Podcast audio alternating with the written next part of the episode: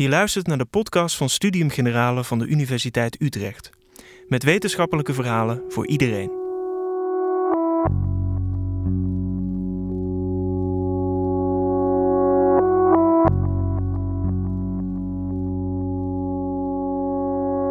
In een democratie krijg je niet altijd wat je wilt.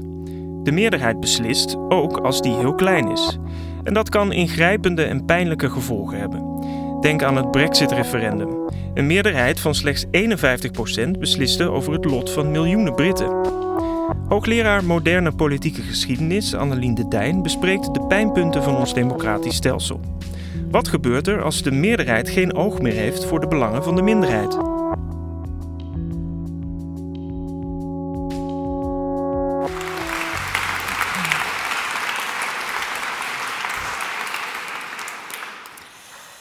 Heel erg bedankt voor die inleiding, uh, Nienke. Uh, ik vind het ook enorm fijn dat ik hier mijn uh, geweldige uh, collega Paul de Beer mag opvolgen. Ik ben eigenlijk zijn second act.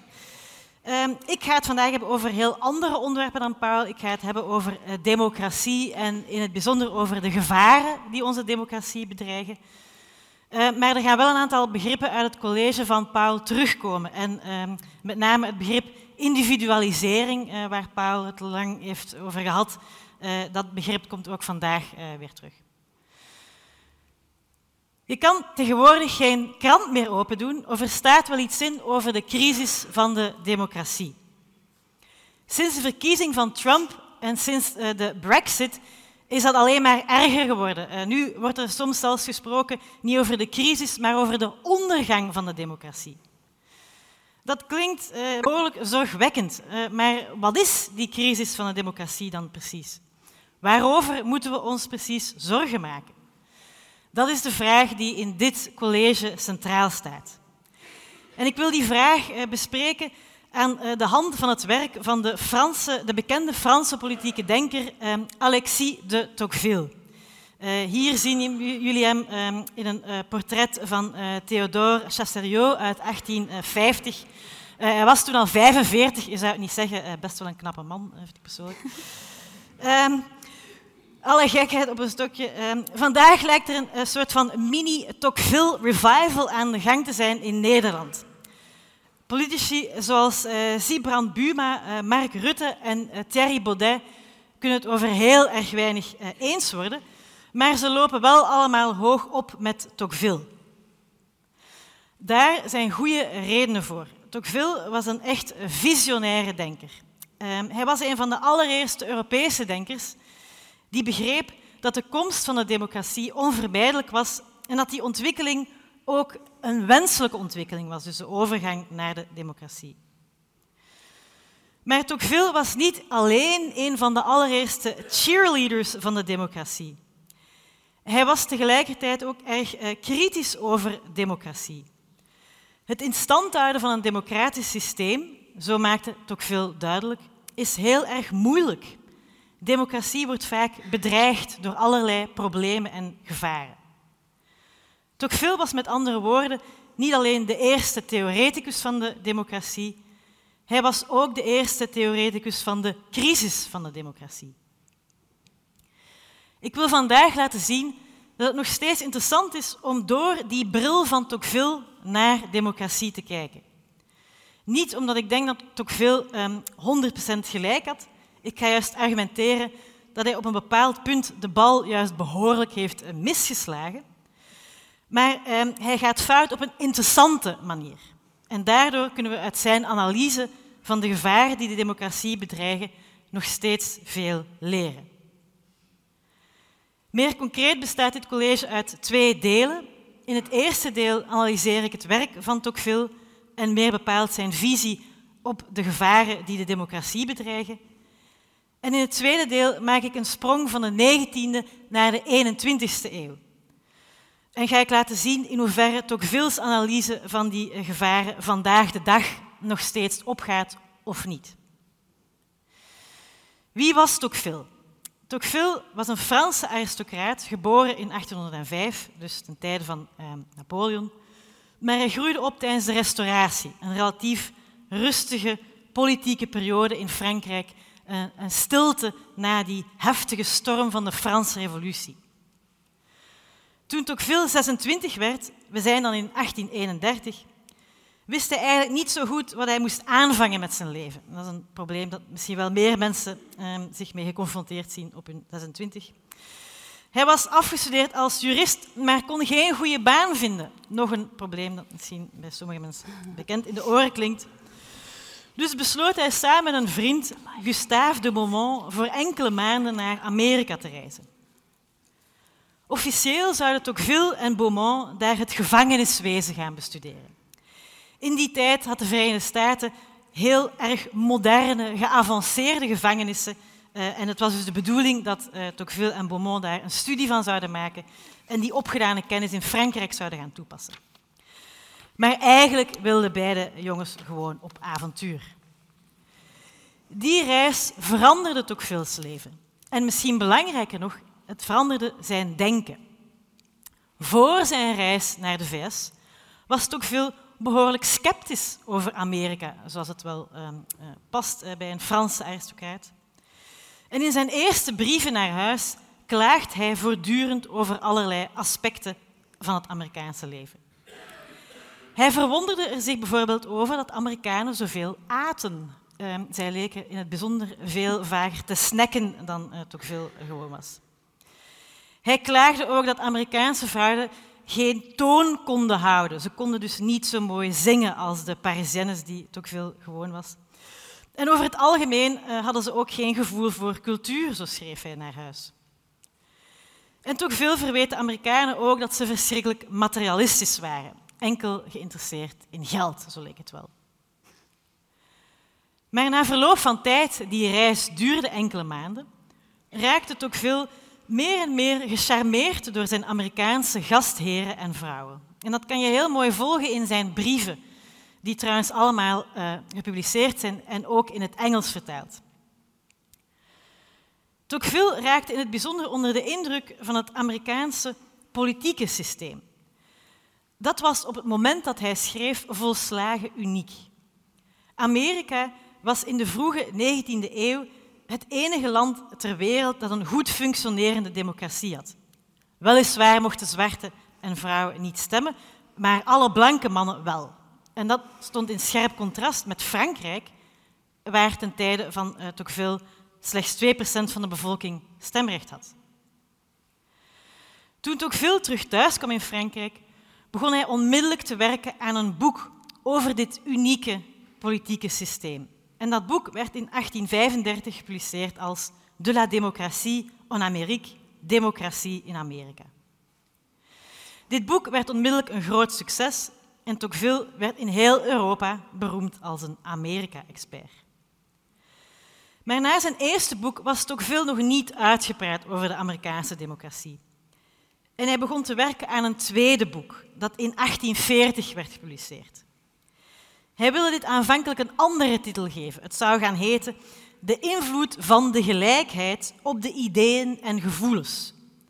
Maar zijn uitgever vond dat geen goed idee. Tocqueville's uitgever wilde kunnen voorbouwen op het succes van Tocqueville's eerste boek en overtuigde hem daarom om dit tweede boek, het boek van 1840, onder dezelfde titel uit te geven. Dat werd dus Democratie in Amerika, volume 2. Het is belangrijk om deze details over de publicatiegeschiedenis van Tocqueville's boek in je achterhoofd te houden, omdat mijn verhaal anders moeilijk te volgen zal zijn. Omdat Tocqueville's beide volumes onder dezelfde titel verschenen, denken mensen vaak dat het hier gaat over één enkel boek. Maar in feite was Tocqueville in de vijf jaren tussen 1835, toen dus het eerste volume verscheen, en 1840, toen het tweede volume verscheen, fundamenteel van mening veranderd. En dat is ook waarom hij zelf die, uh, tweede, dat tweede volume een andere titel uh, wilde geven. Meer in het bijzonder, zo zullen we zien, was het ook veel tot een heel andere analyse gekomen van de problemen die de democratie bedreigden. Dus als we het hebben over Tocqueville's democratie in Amerika, hebben we het eigenlijk over twee verschillende boeken die niet noodzakelijk dezelfde boodschap hebben. En ik ga het in de loop van mijn verhaal dus uh, hebben over de Tocqueville van 1835 en de Tocqueville van 1840. Wat was de boodschap van Tocqueville's eerste boek, De Democratie van 1835? Tocqueville maakte twee verschillende claims. Ten eerste benadrukte hij dat de opkomst van de democratie onvermijdelijk was geworden. Europa was misschien nog niet democratisch, maar zou dat, net zoals Amerika, ongetwijfeld worden. Waarom was dat zo? Sinds de 17e, 18e eeuw, zo schreef Tocqueville, had er in Europa een belangrijke sociale omwenteling plaatsgevonden. Meer specifiek had de feodale samenleving plaatsgemaakt voor een meer egalitaire samenleving. Er waren natuurlijk nog wel verschillen tussen arm en rijk, maar die waren niet meer zo groot of rigide als verschillen tussen de bourgeoisie en de aristocratie. Individuen werden, met andere woorden, met het verdwijnen van de feodale samenleving meer en meer gelijk aan elkaar. En daarom viel het te verwachten, zo stelde het ook veel, dat ze ook op politiek vlak meer gelijk aan elkaar zouden willen zijn. En dat is natuurlijk wat democratie is. Democratie is een politiek systeem dat ervoor zorgt dat we niet onderworpen zijn aan een kleine, arrogante elite. We zijn allemaal evenwaardig, uitgedrukt in het principe one man, one vote. Tocqueville benadrukte ook dat dit een positieve ontwikkeling was.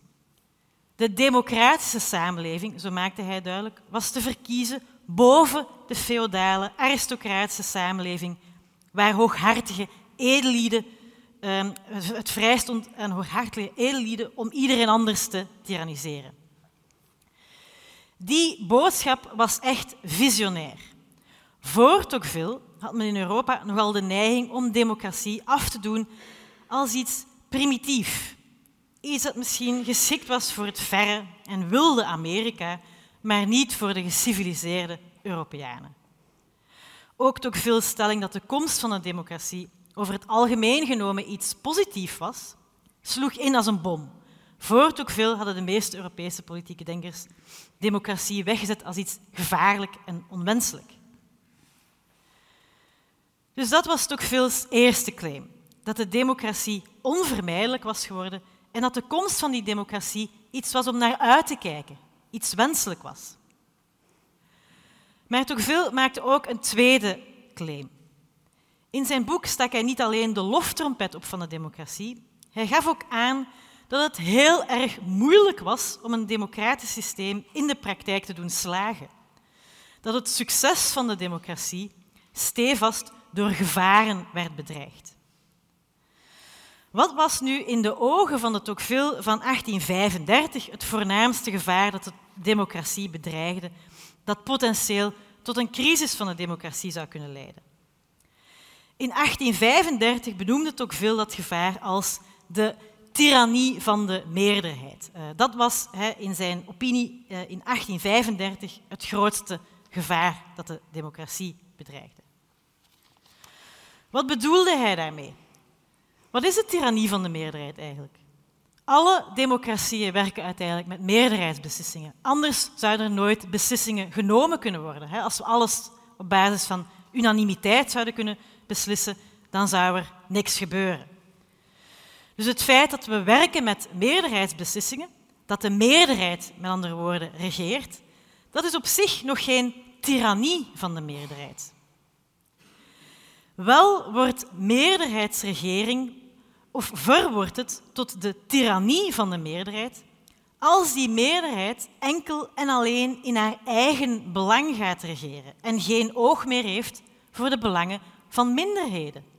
Als er bijvoorbeeld geen compromissen meer worden gesloten of als er wetten worden uitgevaardigd die de belangen van minderheden evident schaden.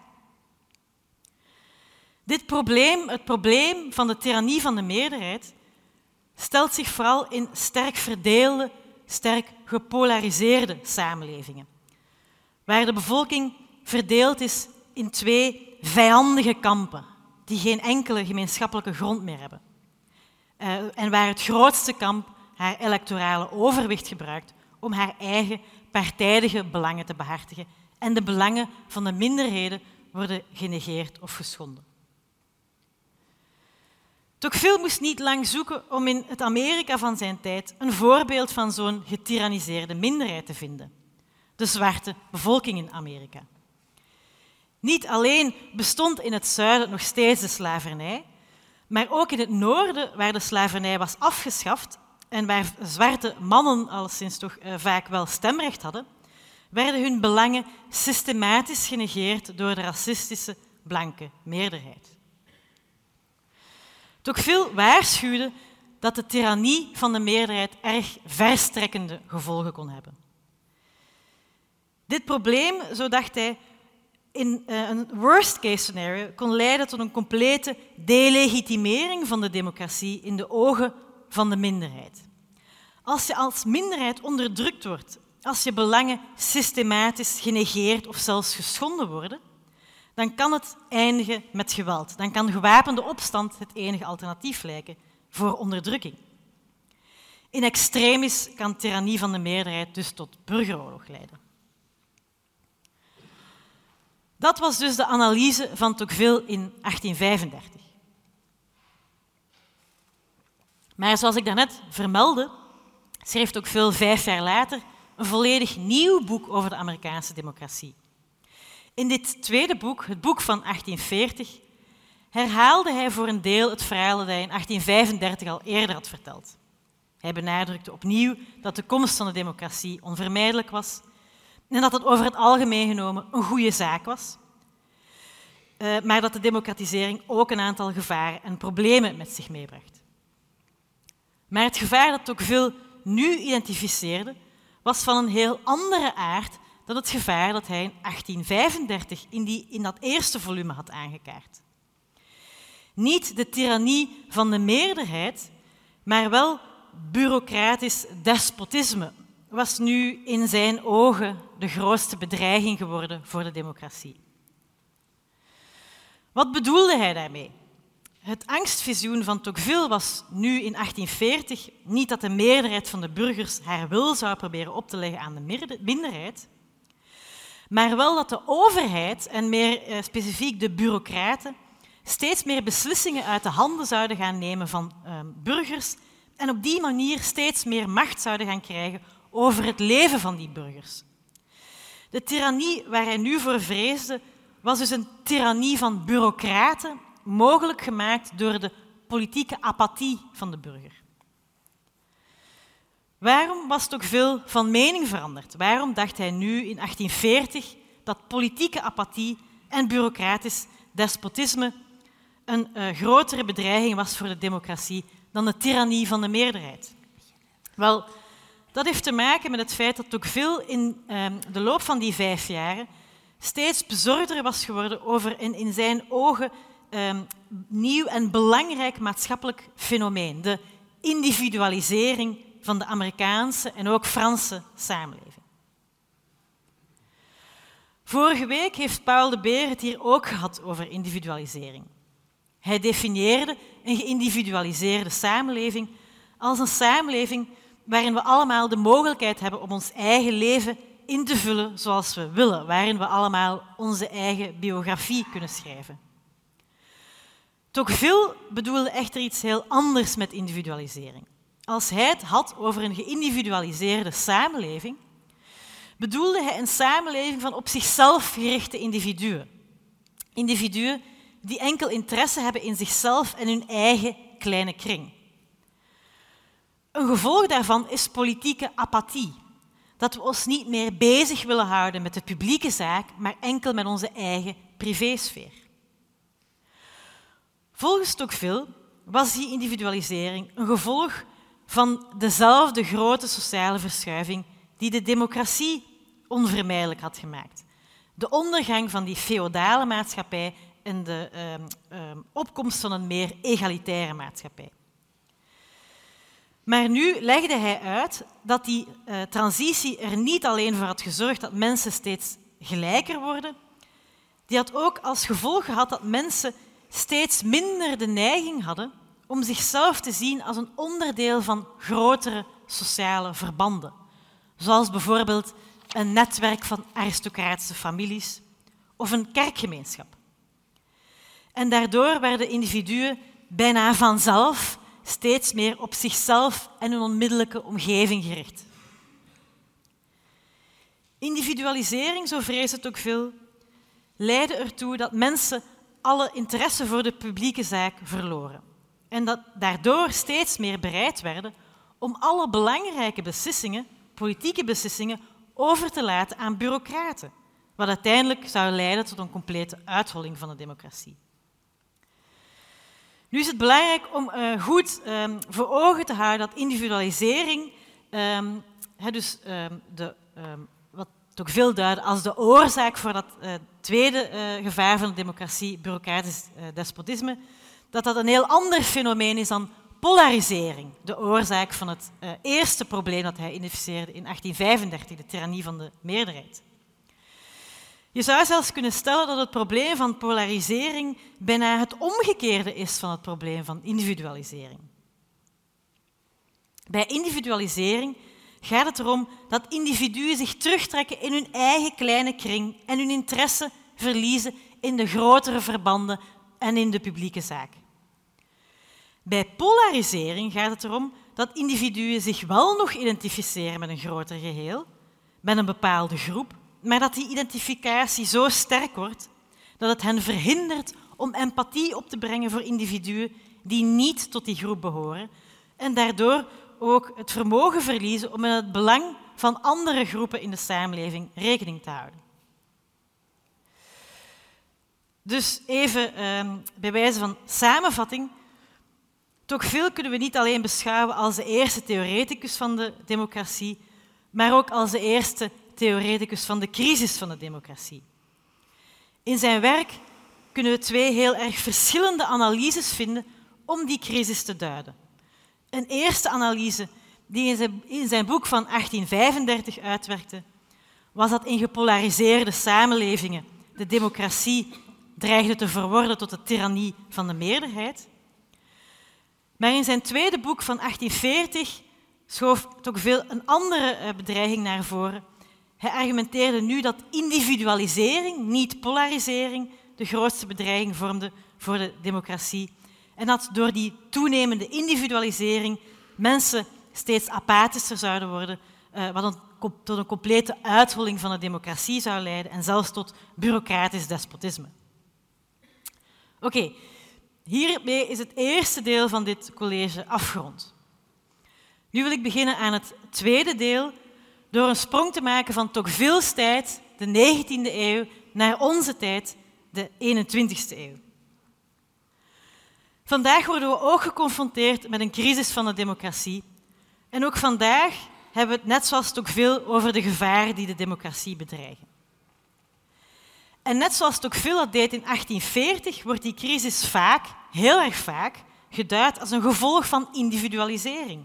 Van het feit dat mensen zich terugtrekken in hun eigen wereldje. De analyse van Tocqueville, of toch van de Tocqueville van 1840, wordt vaak onverkort overgenomen om de crisis van de democratie te duiden. Om daar een aantal voorbeelden van te geven, enkele jaren geleden publiceerde een collega uit Oxford, Larry Ziedentop, een boek dat heet Democracy in Europe. Ehm, en dat is een bewuste referentie natuurlijk naar Tocqueville's democratie in Amerika. En Tocqueville, eh, eh, Tocqueville eh, en Siedentop paste daarin de analyse van Tocqueville één op één toe op het hedendaagse Europa. In zijn ogen, um, net zoals Tocqueville waarschuwde um, in de democratie uh, in Amerika van 1840 voor de dreiging van een bureaucratisch despotisme in de Verenigde Staten, waarschuwt Siedentop voor een uh, dreiging van een bureaucratisch despotisme vanuit Europa. En in zijn ogen wordt dat mogelijk gemaakt door die toenemende individualisering. Net hetzelfde argument, met andere woorden, als dat van Tocqueville. Maar ook in het Nederlandse publieke debat vinden we deze analyse vaak terug. Ehm, je ziet heel uh, vaak krantenkoppen voorbij komen, zoals he, politieke individualisering vormt bedreiging voor de democratie. Nu, op het eerste zicht lijkt die analyse steek te houden. Eh, als we naar de Nederlandse context kijken. De kwaliteit van onze democratie, er lijken inderdaad redenen te zijn om te denken dat de kwaliteit van onze democratie wordt ondergraven door individualisering. door toenemende politieke apathie, door een gebrek aan interesse, burgerzin en inzet voor de publieke zaak. Bijvoorbeeld een uh, veel uh, geciteerd um, um, soort van indicator om dat te illustreren, is dat het aantal mensen dat lid is van een politieke partij um, tot voor kort alleen maar afnam. dat uh, zien jullie hier uit, op de slide. Hè. Het aantal leden van Nederlandse politieke partijen is sinds de jaren 90 behoorlijk gedaald. Dit blijkt dus uit onderzoek van het Gronings Onderzoekscentrum Politieke Partijen. We kunnen ook naar andere symptomen kijken om deze analyse van individualisering als bedreiging voor de democratie uh, te ondersteunen.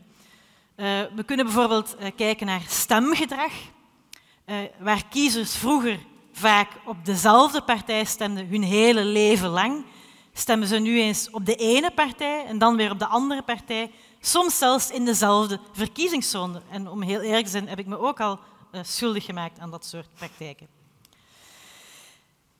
Waarom is dat volgens sommige onderzoekers problematisch? Dit lijkt um, te duiden op het feit dat kiezers eigenlijk niet goed weten wat ze willen. Dat ze zich dus eigenlijk niet echt interesseren in politiek en zomaar een bolletje rood kleuren. Zo vergeleek Kees Schuit, een politicoloog aan de VU enkele jaren geleden, de kiezers met stuifzand, dat bij het geringste zuchtje wind alle kanten opwaait. Uh, vandaar de term zwevende kiezer. Maar als we iets dieper gaan graven, wordt eigenlijk al snel duidelijk dat het verhaal over die toenemende individualisering minder overtuigend is dan dat op het eerste gezicht zou kunnen lijken. Bijvoorbeeld, is het wel zo dat de toenemende volatiliteit, de toenemende um, drang van de kiezer om um, he, uh, ja, niet uh, zijn hele leven lang voor éénzelfde partij te kiezen, maar verschillende, aan verschillende partijen zijn of haar stem te geven, uh, duidt dat inderdaad op een burger die niks kan schelen, die zomaar wat doet, zoals Kees Schuit dus suggereert. Nee, er zijn goede redenen om het fenomeen van de zwevende kiezer niet te zien als een symptoom van politieke apathie en van individualisering, maar juist als het omgekeerde daarvan. Zoals Jacques Thomassen van de Universiteit van Twente argumenteerde in zijn afscheidsreden. Kiezers wisselen weliswaar voortdurend van partij, maar die wisselingen gaan niet alle kanten op. Ze beperken zich over het algemeen tot een wisseling tussen partijen die dicht bij elkaar liggen op het politieke spectrum. Ten gevolge van de ontzuiling hebben de meeste kiezers geen vanzelfsprekende band meer met een specifieke partij die zij door dik en dun trouw blijven. Maar dat wil niet zeggen dat ze zomaar wat doen. Integendeel, kiezers zijn juist een meer bewuste afweging gaan maken van welke partij op welk moment het beste past bij hun eigen beleidsvoorkeuren. Het fenomeen van de zwevende kiezer duidt er met andere woorden op dat burgers juist politiek bewuster zijn geworden. Dat ze met andere woorden meer betrokken zijn bij de politiek. En er zijn nog een heleboel andere redenen om aan te nemen dat er in Nederland eigenlijk helemaal geen sprake is van uh, politieke apathie uh, en individualisering. De opkomst voor de verkiezingen in Nederland is hoog. Uh, die schommelt rond de 80 procent. In 2017 was het opkomstpercentage met bijna 82 procent het hoogst sinds de Tweede Kamerverkiezing van 1986, toen het 85 procent was. Andere indicatoren tonen hetzelfde beeld. Politiek activisme is bijvoorbeeld toegenomen, um, en dat is ook zo in Nederland. Uh, een uh, mooi voorbeeld daarvan zijn uh, die recente Women's Marches. Een voorbeeld van nieuwe vormen van politiek activisme. Nog een uh, laatste indicator. Um, we zien ook dat um, heel recent, uh, de laatste twee jaar, zelfs het lidmaatschap van politieke partijen, dus uh, ja, dat altijd wordt aangenomen of um, aangehaald als een zo duidelijke indicator van politieke apathie, omdat dat naar beneden aan het gaan was, terug in een opgaande lijn zit. In 2017 en 2018 is het lidmaatschap van politieke partijen uh, in heel Nederland toegenomen. Uh, en in 2018 is het zelfs significant toegenomen. Oké, um, al die uh, factoren laten ons toe om te besluiten dat Tocqueville um, ongelijk had. Of toch alleszins Tocqueville 2, hè, de Tocqueville van 1840. Het is niet zo dat we ons allemaal terugtrekken in onze eigen kleine kring en ons niks meer aantrekken van de publieke zaak. Er zijn juist goede redenen om te denken dat vandaag meer mensen dan ooit of dan toch in het recente verleden zich geroepen voelen om actief te participeren in de politiek.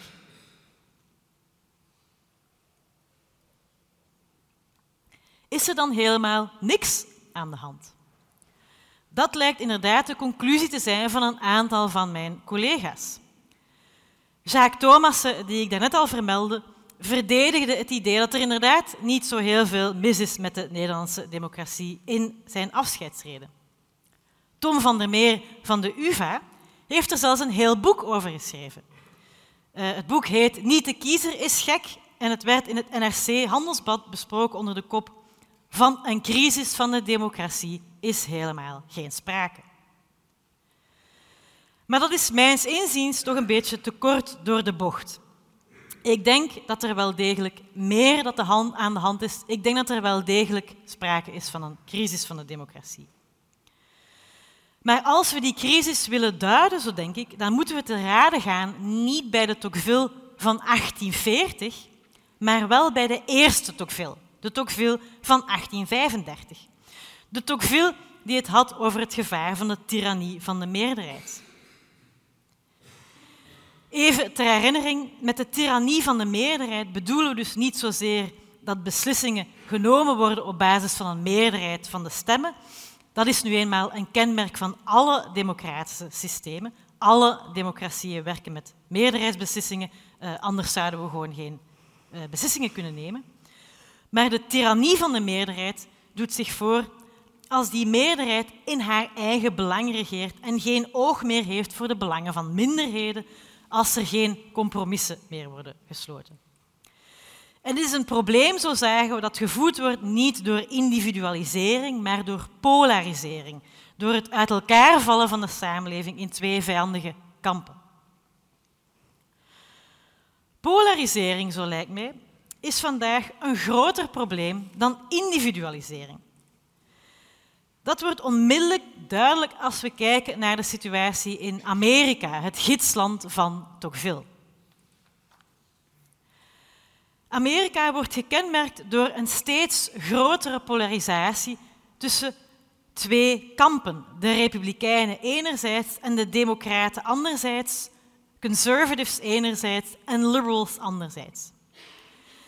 Daarover zijn alle Amerikaanse politicologen het eens. Bipartisanship, ehm, een eh, term die duidt op de samenwerking tussen individuele democratische en republikeinse politici, neemt altijd maar af.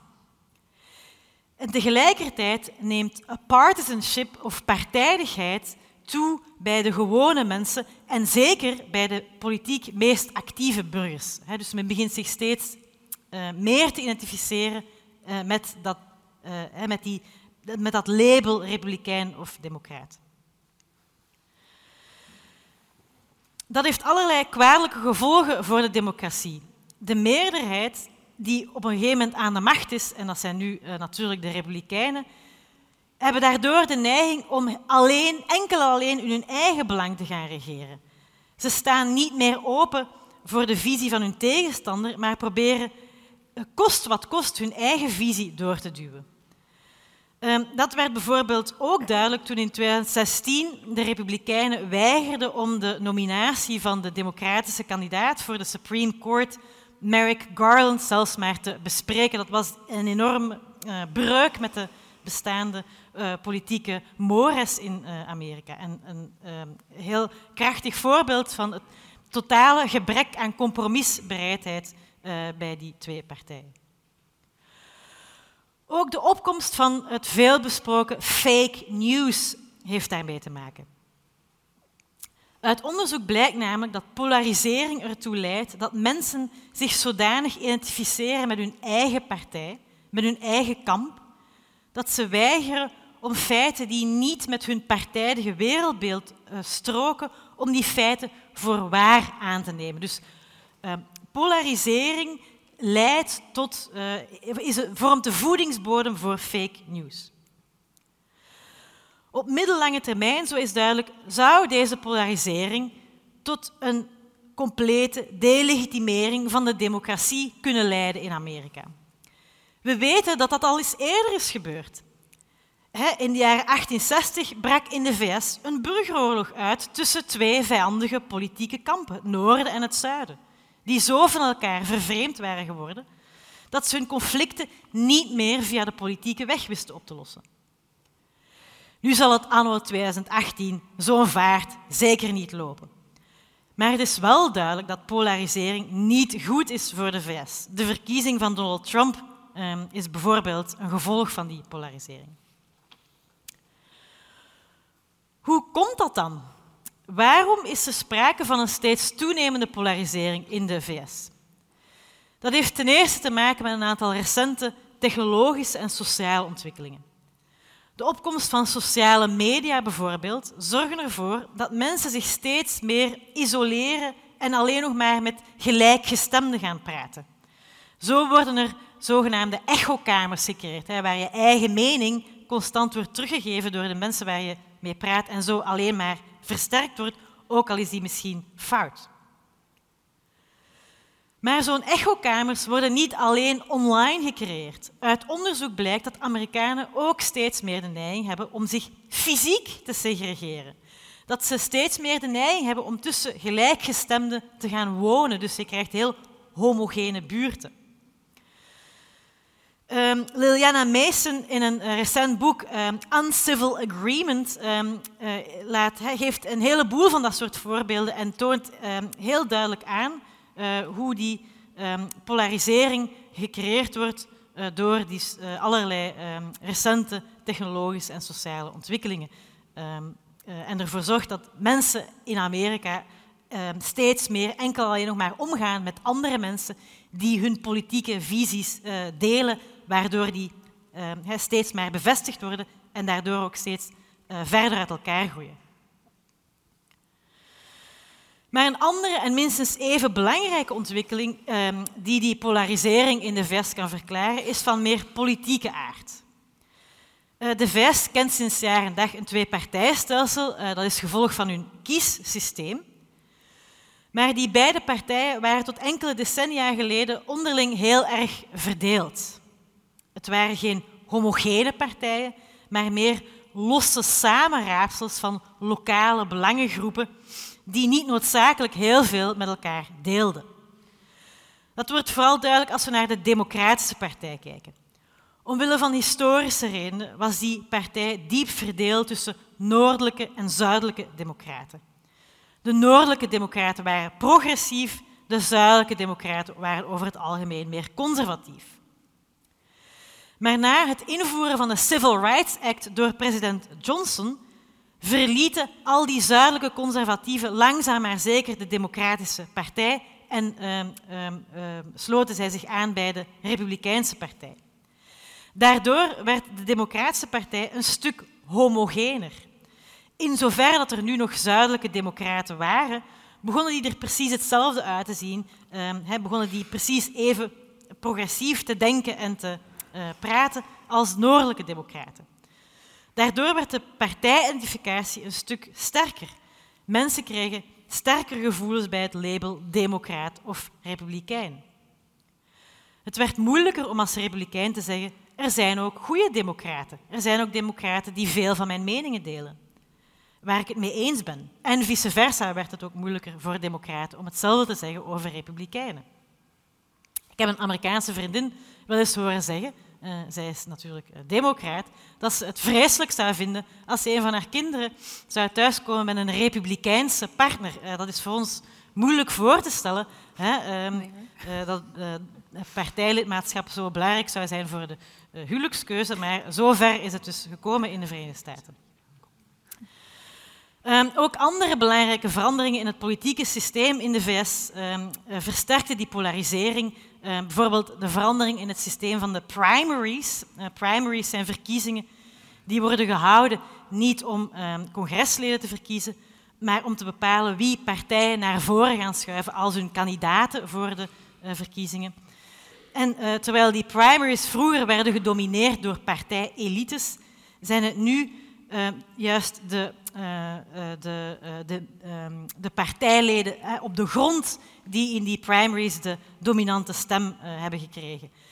En dat zijn toevallig ook de meest politiek actieve en daardoor de meest extreme, de meest uitgesproken, de meest gepolariseerde partijleden.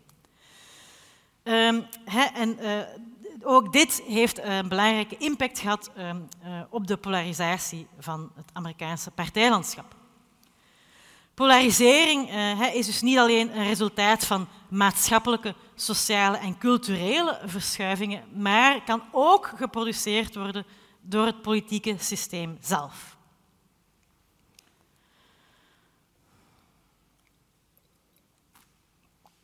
Nu, Nederland lijkt op het eerste zicht minder te lijden onder polarisatie dan de Verenigde Staten. Bij ons lijkt er juist sprake te zijn van een verbrokkeling eerder van polarisering. Hè? Er komen altijd maar meer partijen bij.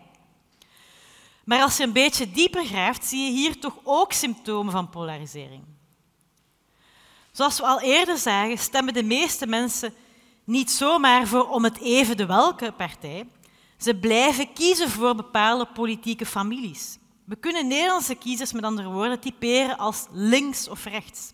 Ook al stemmen ze uh, uh, binnen die uh, bracket links ehm, op verschillende partijen.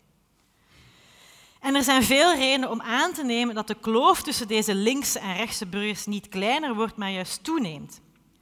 Eh, dat wordt bijvoorbeeld gesuggereerd door het rapport Boze Burgers eh, van het kennisplatform Integratie en Samenleving, uh, waarin wordt aangetoond dat er vooral rond de vraag hoe we moeten omgaan met de multiculturele samenleving in toenemende mate polarisering bestaat en dat die polarisering ook het kiesgedrag van kiezers steeds meer lijkt te beïnvloeden.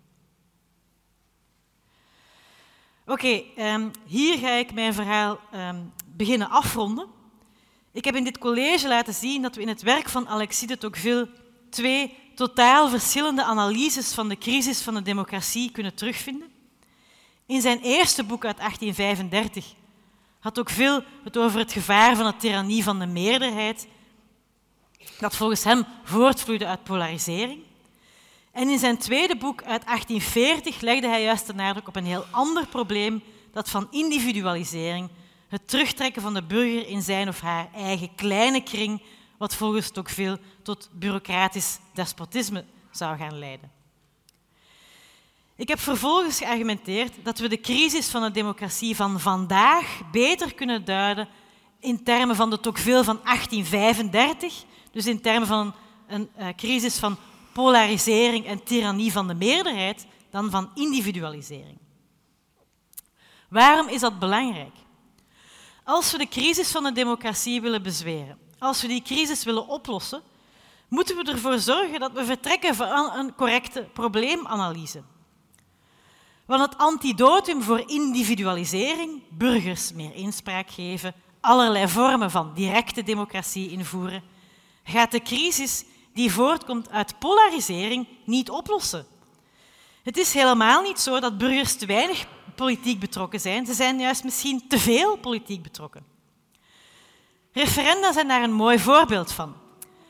De bedoeling is inspraak te vergroten en burgers meer stem te geven. Maar we moeten ook waakzaam zijn voor het feit dat er niks zo polariserend is als een referendum. De burger krijgt dan een uh, vraag voorgeschoteld waar ze enkel met ja of nee op kan antwoorden. Zo verdeel, je de samenleving natuurlijk automatisch in twee vijandige kampen. Nee, laten wij dan liever gewoon verder polderen.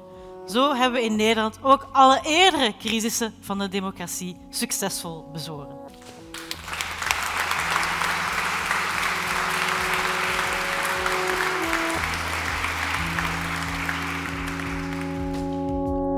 Dit was de podcast van Studium Generale van de Universiteit Utrecht. Wil je meer lezingen luisteren? Check dan de playlist op Spotify en iTunes. Of ga naar onze website sg.uu.nl/podcast.